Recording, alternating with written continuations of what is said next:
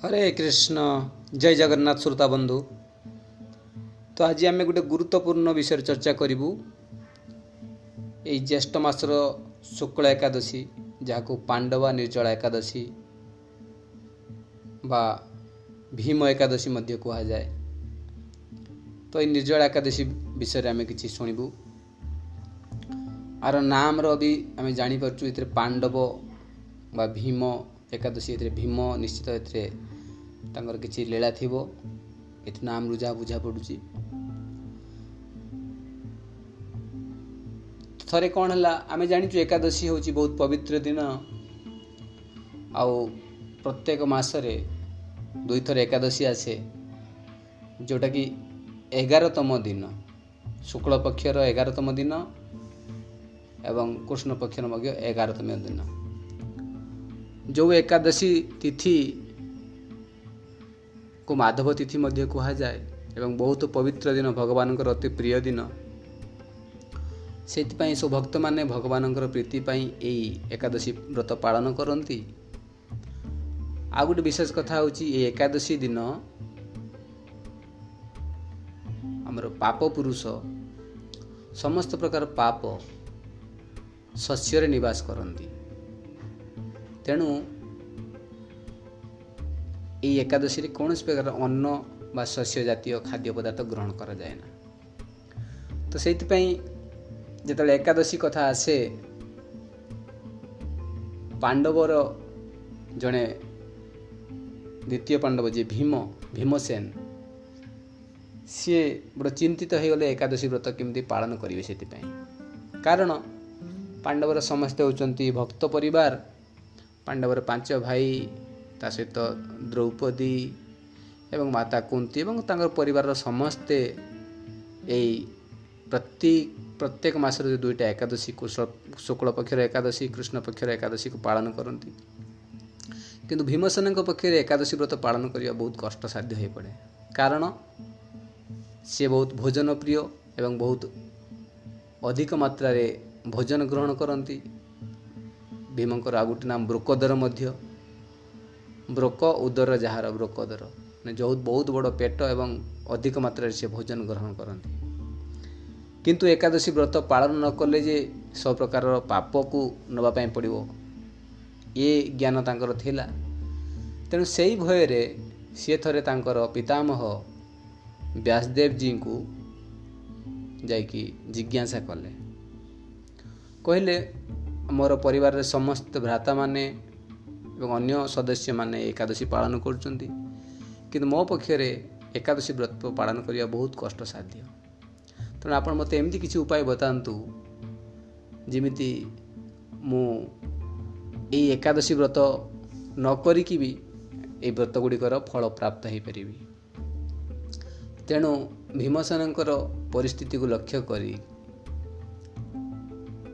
ଶିଲ ବ୍ୟାସଦେବ ତାଙ୍କୁ କହିଲେ ପ୍ରତ୍ୟେକ ମାସରେ ଦୁଇଟା ଏକାଦଶୀ ଆସେ କିନ୍ତୁ ମୁଁ ବୁଝିପାରୁଛି ତୁମ ପକ୍ଷରେ ସେଇଟା ସମ୍ଭବ ନୁହେଁ କିନ୍ତୁ ବର୍ଷରେ ଥରେ ଗୋଟେ ଏମିତି ଏକାଦଶୀ ଆସେ ଜ୍ୟେଷ୍ଠ ମାସର ଶୁକ୍ଳ ପକ୍ଷର ଏକାଦଶୀ ଯଦି ସେଇଟା ତୁମେ ଗୋଟିଏ ଏକାଦଶୀ ପାଳନ କରିବ ଏବଂ ସମ୍ପୂର୍ଣ୍ଣ ନିର୍ଜଳା ଭାବେ ପାଳନ କରିବ ନିର୍ଜଳା ମାନେ ସେଦିନ ଟିକେ ବି ଆପଣ ପାଣି ମଧ୍ୟ ନେବ ନାହିଁ। ଜଳ ମଧ୍ୟ ଗ୍ରହଣ କରିବନି। ତ ସାଧାରଣତଃ ଏକାଦଶୀରେ କିଏ କିଏ ସବୁ ଏକାଦଶୀ ନିର୍ଜଳା ପାଳନ କରନ୍ତି। ଆଉ କାହାର କାହାର ଯଦି କିଛି ଅସୁବିଧା ଥିବ ସ୍ୱାସ୍ଥ୍ୟଗତ ସମସ୍ୟା ଥିବ ସେମାନେ ଜଳ କିମ୍ବା ସରବତ ଏସବୁ ଜିନିଷ ନେଇକି ଫ୍ରୁଟ୍ ଜୁସ୍ ନେଇକି ପାଳନ କରନ୍ତି। କିମ୍ବା ଯଦି ସେଥିରେ ବି ନ ହୋଇପାରେ ତାହେଲେ କିଏ ଫଳ ଫ୍ରୁଟ୍ସ ଦିନରେ ଥର କି ଦୁଇଥର ନେଇକି ଏମିତି ପାଳନ କରନ୍ତି।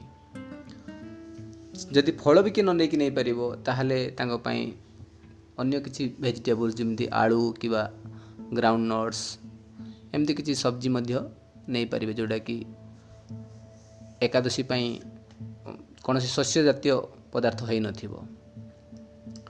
ତେଣୁ ଏ କ୍ଷେତ୍ରରେ ଯେଉଁଟା ପାଣ୍ଡବା ନିର୍ଜଳ ଏକାଦଶୀ ଯେଉଁଟାକି ଭୀମ ଏକାଦଶୀ ଜ୍ୟେଷ୍ଠ ମାସର ଶୁକ୍ଳପକ୍ଷ ଏକାଦଶୀ ସେ ବିଷୟରେ ଶିଳ ବ୍ୟାସଦେବ କହୁଛନ୍ତି ତୁମେ ଏ ଏକାଦଶୀ ପୁରା ସମ୍ପୂର୍ଣ୍ଣ ଜଳ ଗ୍ରହଣ ନ କରିକି ଯଦି କରିବ ତାହେଲେ ବାକି ଯେଉଁ ଅନ୍ୟ ସମସ୍ତ ଏକାଦଶୀ ଯେଉଁଟା ତୁମେ କରିପାରୁନ ତାର ଫଳ ତମେ ପ୍ରାପ୍ତ ହେବ। ତେଣୁ ଭୀମ ଏଇ ଗୋଟିଏ ଏକାଦଶୀକି କରନ୍ତି କଷ୍ଟମଷ୍ଟେ କରିକି ଗୋଟିଏ ଏକାଦଶୀ ପାଳନ କରନ୍ତି ଏବଂ ସମ୍ପୂର୍ଣ୍ଣ ନିର୍ଜଳା ଜଳ ମଧ୍ୟ ଗ୍ରହଣ କରନ୍ତି ନାହିଁ। ଏଇଟା ଏକାଦଶୀ ଦିନ ସକାଳଠୁ ଆରମ୍ଭ କରିକି ସୂର୍ଯ୍ୟଦେବରୁ ଆରମ୍ଭ କରି ତାପର ଦିନ ଦ୍ୱାଦଶୀ ପର୍ଯ୍ୟନ୍ତ ସମ୍ପୂର୍ଣ୍ଣ ନିର୍ଜଳା ରୁହନ୍ତି।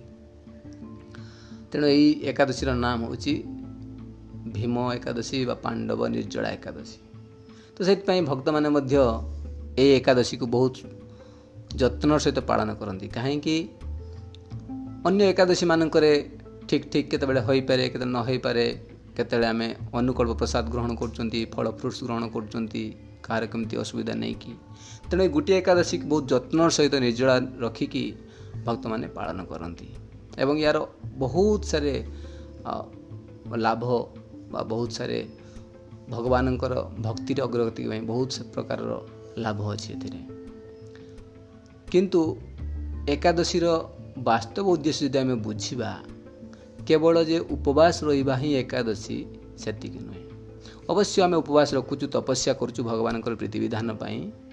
କିନ୍ତୁ କୁହାଯାଏ ଉପବାସର ବାସ୍ତବ ଅର୍ଥ ହେଉଛି ଉପବାସ ଉପ ମାନେ ନିକଟ ବାସ ମାନେ ବାସ କରିବା।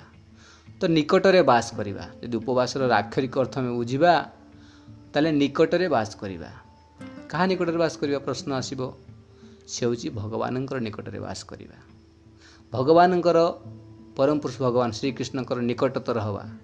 ତ ଏଇଟା ଗୋଟେ ଆମକୁ ବହୁତ ବଡ଼ ସୁଯୋଗ ଯେ ଭଗବାନଙ୍କର ନିକଟତର ଆମେ ହେଇପାରିବା।